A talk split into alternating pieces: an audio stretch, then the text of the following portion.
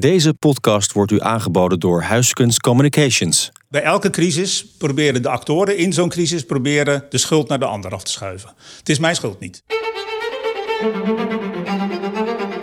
Ik geef u één advies, mevrouw. U kunt mij dit honderd keer vragen. U zult honderd keer uh, het antwoord krijgen dat ik daar geen commentaar op geef. Daar ga ik me ook verder niet over uh, uitlaten. En, uh... Ik ga geen uitspraak doen over deze ene zaak. En ik beslis wanneer ik wel of niet een antwoord geef. En ik zou graag willen dat dit gesprek nu beëindigd wordt. Ja?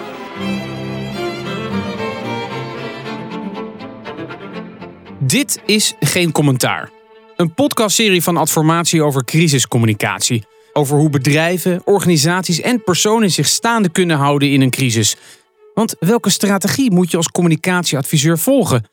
En waarom is het toch handig om net dat ene interview te geven? En hoe krijg je de regie weer in handen? Vragen waarin we in deze serie antwoord op hopen te krijgen. Mijn naam is Frank Kromer en in deze aflevering gaan we het hebben over schuld, boete en de pest.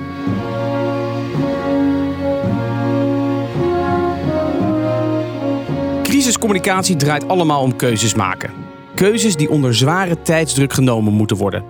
Gaan we links of toch rechtsaf? En als die keuze eenmaal is gemaakt, dan moeten we als de wiede weerga aan de slag om het verhaal naar buiten te brengen. Zowel intern als extern. Als er één plek in Nederland is met een abonnementje op crisissen, dan is het wel Den Haag. Politiek Den Haag. En iemand die veel brandjes van dichtbij heeft meegemaakt is Henri Kruithof. De oud-journalist heeft als communicatieman talloze jaren op het ministerie van OCW en Landbouw gebivakkeerd.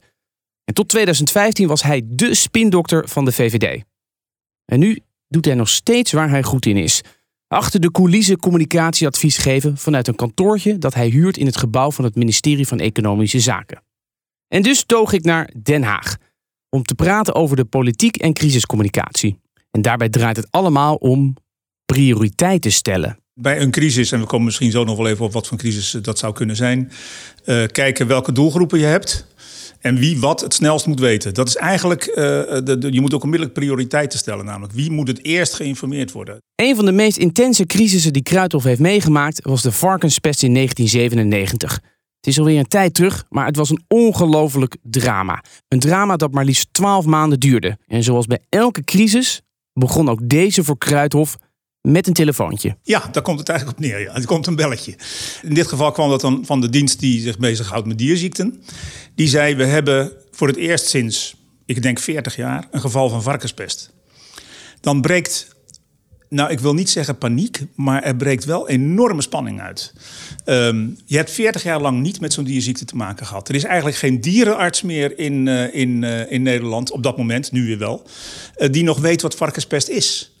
Um, die dus die, dus die, kunt, die kan het ook niet constateren. Achteraf bleek ook dat die varkenspest vanaf toen, op het moment dat het gemeld werd, eigenlijk al vier weken aan de gang was. Omdat geen, geen veearts in de gaten had wat er eigenlijk aan de gang was. Toen was het inmiddels ook zo verspreid dat je in hele grote gebieden in Nederland uh, een verbod op het vervoer van dieren moet instellen. Echt hele grote gebieden. Ik heb het over provincies bijvoorbeeld. Hele provincies die gewoon platgelegd worden. Mag geen, geen, geen dier meer vervoerd worden. Maar ja, die dieren zitten wel ergens. En die moeten uh, uh, eten krijgen. Die, moet, die worden groter. Nou ja, dat, en aanvankelijk denk je, je hoopt aanvankelijk dat je het in een paar weken hebt opgelost. De varkenspest heeft uiteindelijk een jaar geduurd.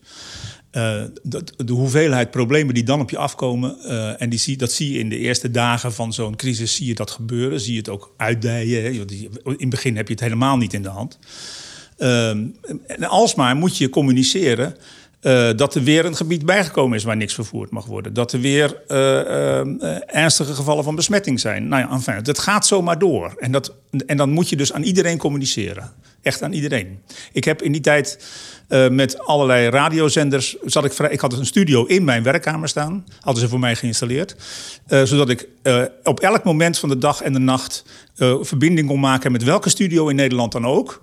Um, om rechtstreeks in, in radio-uitzendingen te komen. Kruithof kreeg dus te maken met het zogeheten drip, drip, drip scenario, waarbij er steeds maar weer slecht nieuws naar buiten komt.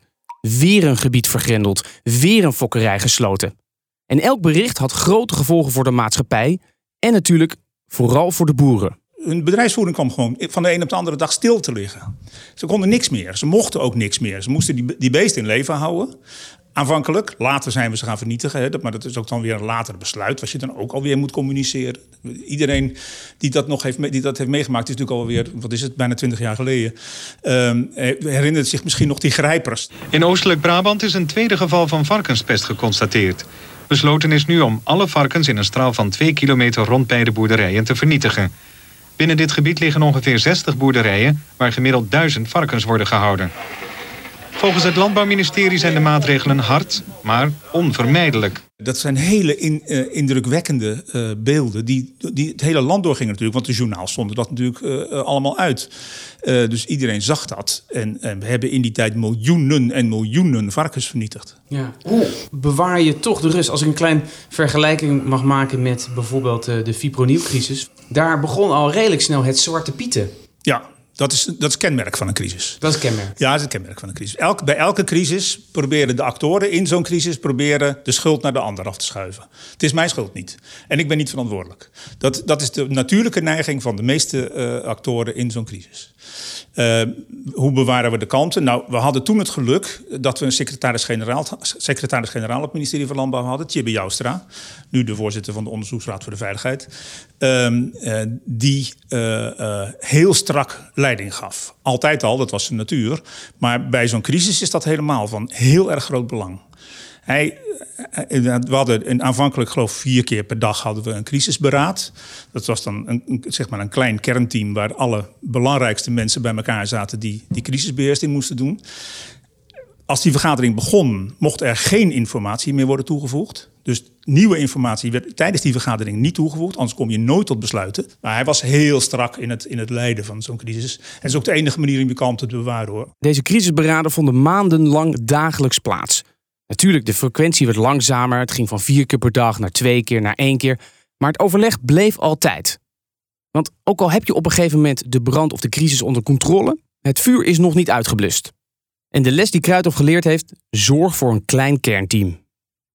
Want zodra er een crisis uitbreekt, wil iedereen zich ermee bemoeien.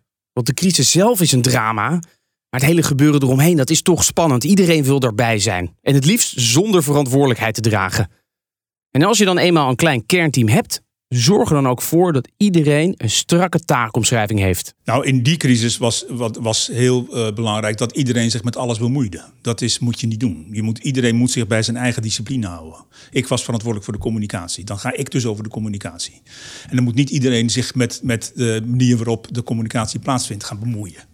Eh, zo eh, zo is er iemand verantwoordelijk voor letterlijk de bestrijding van de ziekte. Daar heb ik geen verstand van, dus daar moet ik me niet mee bemoeien. Ehm, eh, en nou ja, zo zijn er, er zijn allerlei juridische vraagstukken. Dan hebben we de juristen voor. Dan moet je het ook aan de juristen overlaten. Aanvankelijk, in die crisis, liep dat een beetje door elkaar... totdat Joustra ingreep en, eh, en, eh, en iedereen ook echt op zijn eigen discipline gezet werd. Dat is ook echt noodzakelijk, want anders dan gaat iedereen door elkaar kakelen... en dat leidt tot niks.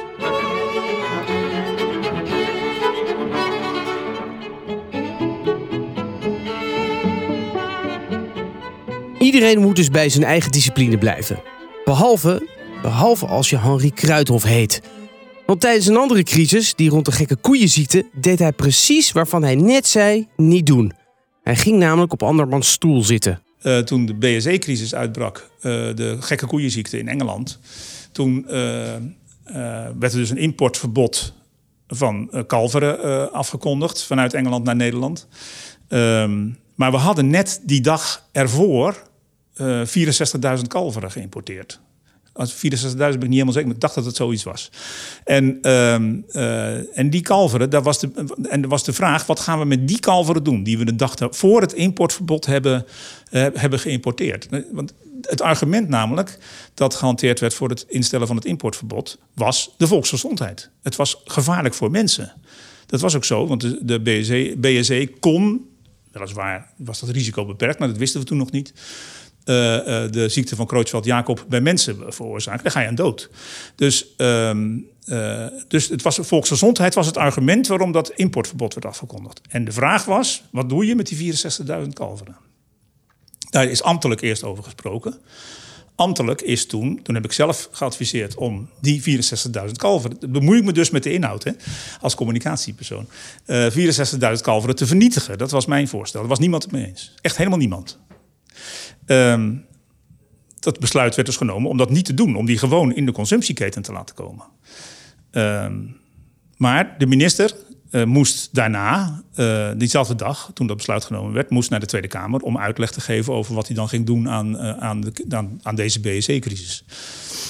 En toen vroeg de minister onderweg hier vandaan naar de Tweede Kamer, zo'n stukje van in de auto, een stukje van twee minuten rijden, vroeg aan mij. Ehm, wat zou jij doen met die 64.000 kalveren? Ik zeg, nou, ik zeg, uh, vernietigen. Ik zeg dat, want als je dat niet doet, als je ze niet vernietigt, dan ga je het zelf ook maar uitleggen. Want ik kan niet uitleggen waarom we uh, de kalveren die we een dag eerder hebben geïmporteerd uit Engeland, gewoon kunnen opeten.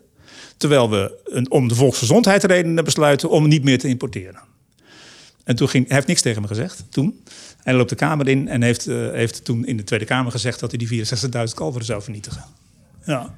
Ik kon het gewoon echt niet uitleggen. Er was geen sprake van. Dus dan, dan zie je dus dat om, om redenen van communicatie inhoudelijke besluiten soms genomen worden. De ambtelijke laag, hoe reageerde Dat uh, laat ik in het midden.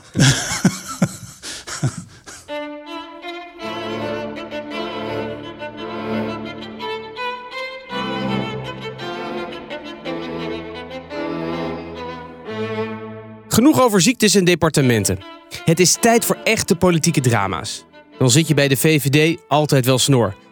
In zijn tijd als hoofdcommunicatie van de Liberale Partij hield Kruithof de lijntjes kort en strak. Een Kamerlid dat een zegje wilde doen over een dossier waar hij niks mee te maken had, werd meteen het zwijgen opgelegd. De laatste crisis die ik heb gedaan als chef communicatie van de VVD-fractie in de Tweede Kamer was de zogeheten bed, bad en brood crisis. Het gaat echt over een onderwerp waarvan altijd is gezegd: als er één onderwerp is waar een kabinetscrisis uit kan ontstaan, dan is het wel de opvang van illegale en asielzoekers. Partijen staan lijnrecht tegenover elkaar. Het is ook een hele principiële kwestie. Dan heb je alleen maar te maken met de woordvoerder op dat gebied. Dus het Kamerlid dat dat in portefeuille heeft. Dat is er één en niet meer dan één. De fractievoorzitter. Meestal ook de vice-fractievoorzitter, omdat die twee, dat is wel een duo. En dan het kabinetslid dat, er, uh, dat erbij betrokken is. Uh, en dan heb je het wel eens een beetje gehad. In dat geval, in dat geval was dat Klaas Dijkhoff. Die was toen staatssecretaris die over de asielzaken ging. Uh, nu fractievoorzitter. Um, en, en dat, dus dat groepje is klein. En de rest moet je ook gewoon weghouden. Dat moet ook, die, die hebben er ook niks mee te zoeken. Die hebben er niks mee te zoeken en die willen er ook al, absoluut niet bij hebben. Want als ze zich mee gaan bemoeien, gaat het fout. Ja, precies. Maar dat, dat, ja, die, ze lopen door de gangen, er staan journalisten. Die ja, een andere Kamerleden. Ja. Wat vindt u ervan? Ja, dat is de kwestie van discipline. En disciplineren. En is dat moeilijk op te leggen? Dat valt wel mee. Uh, maar dat kwam omdat ik inmiddels al natuurlijk wel een carrière uh, binnen die VVD-fractie had. Ik zat er al vijf jaar. Uh, en ik, was, ik stond bekend als een boeman. Ze mochten mij niet zo.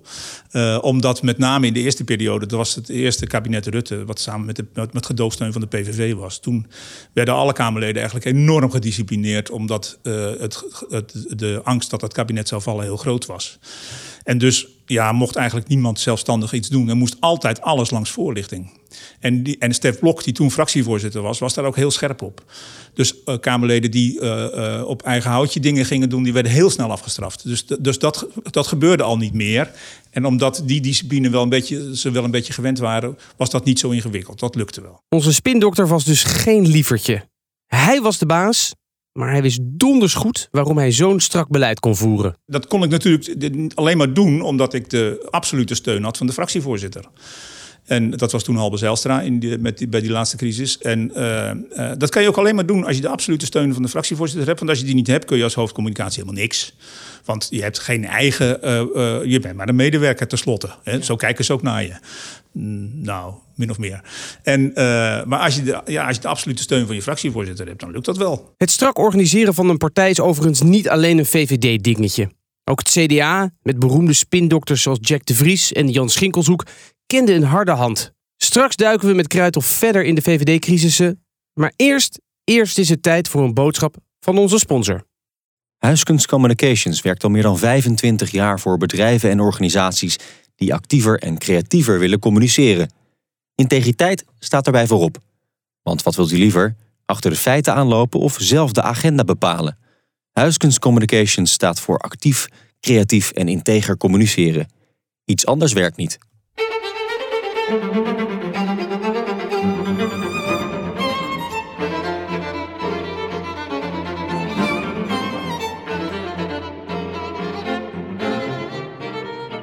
had dat niet moeten doen, En dat spijt mij zeer. Tja, voor Halbe Zijlstra was de schuld duidelijk nadat hij betrapt was op een leugen. De leugen dat hij een ontmoeting had met Poetin in diens buitenhuis, waar de Russische president een verhaal hield over zijn ambities voor een groot Rusland.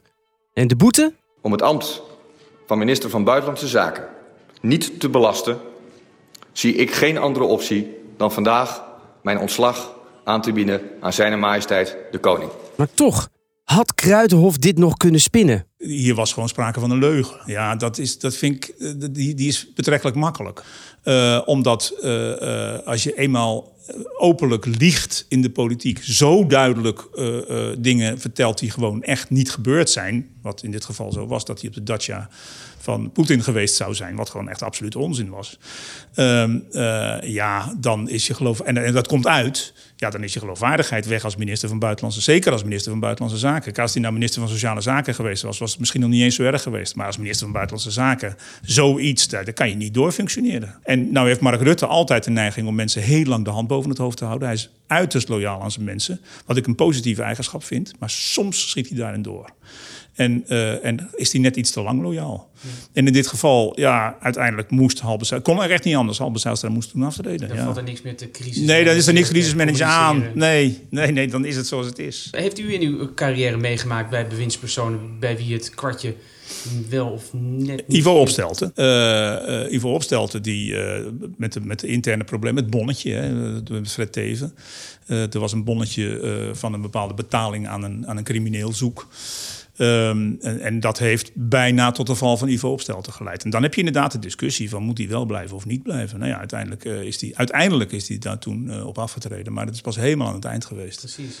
En welke rol speelt dan uh, de directeur communicatie? Want ik neem aan dat u ook een adviserende, bepaalde... een adviserende. Ja, dat, is, dat ben je. Je bent ja. een adviseur van, van, het, van de, de leiding, de politieke leiding van de partij. En uh, uh, dus, dus je geeft adviezen. En op enig moment, uh, ja, je, je zegt van wat het effect zal zijn van bepaalde besluiten in de publiciteit, daar, daar zit je ervoor. Ja. Maar bedenkt u dan ook het verhaal mee, hoe het verteld zou moeten worden? Zeker. Zeker, daar denk je ja. over mee. Ja, ja, zeker. En kunt u daar een klein uh, tipje van de sluier geven, hoe u daar heeft meegedacht? Ja, kijk, um, het, het, ging hier, het ging hier over bijvoorbeeld, dat is ook uitgebreid in de publiciteit geweest, over brieven die vanuit van de minister naar de Kamer gestuurd werden. Dat Kamerleden van ons daarbij over meegedacht hebben. Dat had nooit gemoeten. Dat had echt nooit gemoeten. Dat is ook de, eigenlijk uiteindelijk de val van Art van der Steur geweest, dat is zijn opvolger. Uh, omdat dat, uh, ja, dat is te openlijk gebeurd. En dat had eigenlijk helemaal niet moeten gebeuren. Dat, dat gaat wel heel ver als een Kamerlid brieven van de minister aan de Kamer gaat, mee gaat schrijven. Dat kan niet. Nee, dat, is dus, dat, dat, dat zijn dingen waar je wel over meepraat. Ja, je hebt geen beslissende stem, je bent adviseur. En dat is, dat is het. En uh, ja, meer is het ook niet. Blijkbaar was op dat moment de stem van Kruithof niet sterk genoeg. Want na de onthulling trad ook Art van der Steur af. Ik heb alle vragen in dit debat beantwoord. Ik hecht eraan verantwoording af te leggen aan uw Kamer. Maar ik zie, ik merk en ik voel dat mijn antwoorden er niet toe doen. Het Zwarte Pieterspel explodeerde in het gezicht van de minister. Bij de hele Tevendeal-affaire moet ik denken aan het nummer Politiek van Bram Vermeulen. Als ik niet kijk, heb ik het niet gezien. Wist ik er niks van, kunnen ze mij niks maken, dus ik kijk niet. Als ik niet kijk. Uiteindelijk draait het in de politiek en ook in crisissen om het contact met de pers, met de media. En daarom wist Kruithof altijd precies hoe hij zichzelf moest positioneren. Ik zelf heb altijd uh, als, uh, uh, als belangrijkste, het, het, belangrijkste gevonden het zorgen dat je een hele open en goede verhouding hebt tot de media. Um, ik, ik zelf had bijna dagelijks echt letterlijk een vorm van spreekuur. Uh, dan in de loop van de middag dan kwamen de journalisten bij mij op mijn kamer binnen en kregen ze koffie. Maar ze wilden allemaal bij mij binnen en nooit tegelijk natuurlijk. Dus ik had een wachtkamer. Nou, dat was, dat was de, de, de wachtruimte van de VVD-fractie. En daar zaten daar lagen allemaal kranten en zo. Dus daar, daar zaten ze dan soms in de wachtrij, soms wel met vier, vijf tegelijk in de wachtrij, om, totdat ze bij mij binnen mochten. Um, en dat was omdat ik altijd Kijk, ik ga nu echt even uit de oude doos. Toen ik begon, was Gijs van der Wiel de directeur van de Rijksvoorlichtingsdienst. Het is al lang overleden. En uh, die, had, die had als werk eh, methode dat als een journalist kwam met de helft van het verhaal, maar de helft had hij goed, maar de andere helft niet, dan gaf hij de andere helft.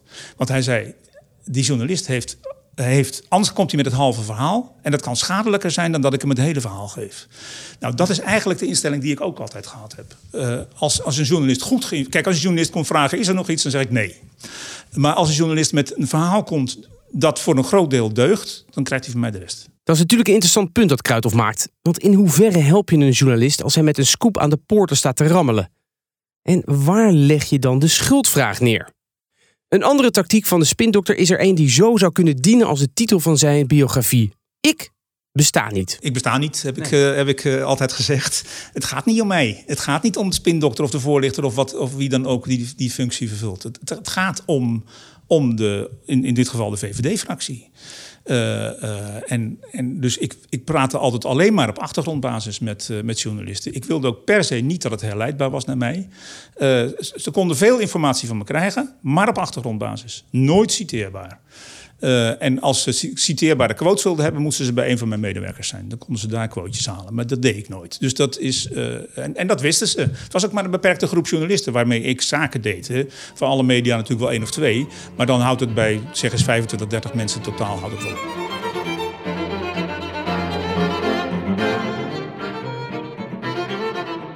Wie zich in de crisiscommunicatie wil verdiepen, doet er goed aan om politieke campagnes te bestuderen, vindt Kruithof. Kijk naar de framing. Kijk naar wie er schuldig is voor een falend beleid. Een verkiezingscampagne is een militair geleide operatie. Dat, heeft dat is de overeenkomst met een crisisorganisatie. Want dat, ook daar moet je eigenlijk militair leiden. Uh, je hebt geen tijd voor discussies, je moet beslissingen nemen. En iemand moet die beslissingen nemen. Dat heb je bij verkiezingscampagnes ook. Dan heb je een campagneleider en je hebt natuurlijk je lijsttrekker. En, en dat is, ook dat is een klein team, het campagneteam. En die nemen dagelijks uh, beslissingen. En dat zijn beslissingen die uitgevoerd moeten worden, die niet ter discussie staan. Die moeten uitgevoerd worden. Nou, voorbeeld, uh, het beroemde voorbeeld van Jan-Peter Balkenende... die tegen Wouter Bos zei, u draait en u bent niet eerlijk. Maar wie draait hier nou? In Nee, de verkiezingsprogramma u bent- u staat niet niks. eerlijk, meneer Bos. In de stemwijzer U staat iets draait wat niet klopt. En u bent niet eerlijk. Daarmee was Wouter Bos in één keer zijn positie kwijt. Was het nou was het onwaar? Nee, het was niet onwaar. Het was, het, eh, hij draaide op één punt, eh, absoluut. Eh, was het helemaal terecht om dat als algemeen beeld neer te zetten? Nee, maar het is verkiezingstijd. En, eh, en dat is ook een soort van crisisorganisatie. En dan neem je dat soort beslissingen die heel erg veel invloed op een verkiezingscampagne kunnen hebben. In dit geval was dat ook zo. Het is natuurlijk leuk om te horen hoe het er in de politiek aan toe gaat, maar heb je er ook iets aan in het bedrijfsleven? En dus vroeg ik aan onze VVD'er of er grote verschillen zijn tussen crisissen in de politiek en in het bedrijfsleven. Nee, want crisis, als je het weer over crisis hebt, die zijn ook bij het bedrijfsleven, daar adviseer ik af en toe ook, eh, eigenlijk hetzelfde. Ook daar zie je dat actoren gaan proberen de schuld en de verantwoordelijkheid af te schuiven. Ook daar zie je dat mensen het interessant vinden om bij zo'n crisisorganisatie te zijn, behalve als ze verantwoordelijkheid moeten dragen, dan ineens weer niet. Dat, zijn eigenlijk eh, eh, effecten die je, die je bij bedrijfsleven en de overheid eigenlijk wel gelijk ziet. Dat is niet veranderd. hetzelfde. Dat is wel een beetje hetzelfde. Ja. En heeft u ook wel eens geadviseerd van... eh, jongens, we moeten gewoon een boetekleed aantrekken nu? Zeker. We moeten nu... Zeker, zeker. Tuurlijk, je moet af en toe moet je gewoon zeggen: luister eens, we zijn fouten. We hebben fouten gemaakt. Natuurlijk. Dat moet je zeker doen. Zeker als voor iedereen zichtbaar is dat ze gemaakt zijn. Dan heeft het geen enkele zin om daar omheen te gaan draaien. Moet je ook nooit doen. Je moet gewoon zeggen: ja, dat klopt. Dat hebben we fout gedaan. Dat is in, de, in, de, in de hitte van de strijd is dat niet goed gegaan. Ja, dat is dan zo. Eh, we, we moeten ervan leren. Wat aardig is, er is één, eh, eh, één bedrijfstak waar ze dit tot grote hoogte hebben, hebben georganiseerd. Dat is de luchtvaart. Als er in de luchtvaart, als een piloot een fout maakt... die niet direct tot een ongeluk leidt of zoiets dergelijks... maar, maar du- duidelijk wel een fout. Bijvoorbeeld dat leidt tot een bijna botsing in de lucht, maar niet een echte. Dan kan je als piloot zeggen, nou, het is goed gegaan, ik hou mijn mond, eh, eh, verder klaar. Nee, in de luchtvaart is het cultuur dat zo'n piloot dat meldt. En, vanwege het, en, en zo'n melding wordt beloond in de zin van, dat wordt, iedereen zegt dan tegen hem, dat is goed dat je dat gemeld hebt, want daar kunnen we van leren. Er is iets fout gegaan, wat er fout gegaan is, gaan we uitzoeken. Ehm, eh, maar we moeten ervan leren dat die fout gemaakt is. Dus is in luchtvaart is het anders dan in bijna elke andere bedrijfstak. Daar, daar, leer, daar is de lerend, het lerend vermogen veel groter. Omdat het melden van incidenten wordt beloond in plaats van gestraft. Kortom, bij het uitbreken van een crisis moet naast het verhaal ook meteen in kaart worden gebracht wie je moet informeren en wanneer. En bedenk dan ook meteen hoe het Zwarte Pieterspel gespeeld gaat worden. Wie krijgt de schuld en wie moet het boetekleed aantrekken? En daarbij is het handig om een strakke organisatie in te richten. Zorg dat je de touwtjes strak in handen hebt, want anders, anders kan de schade nog groter worden. In de volgende aflevering van Geen Commentaar duiken we in de advocatuur.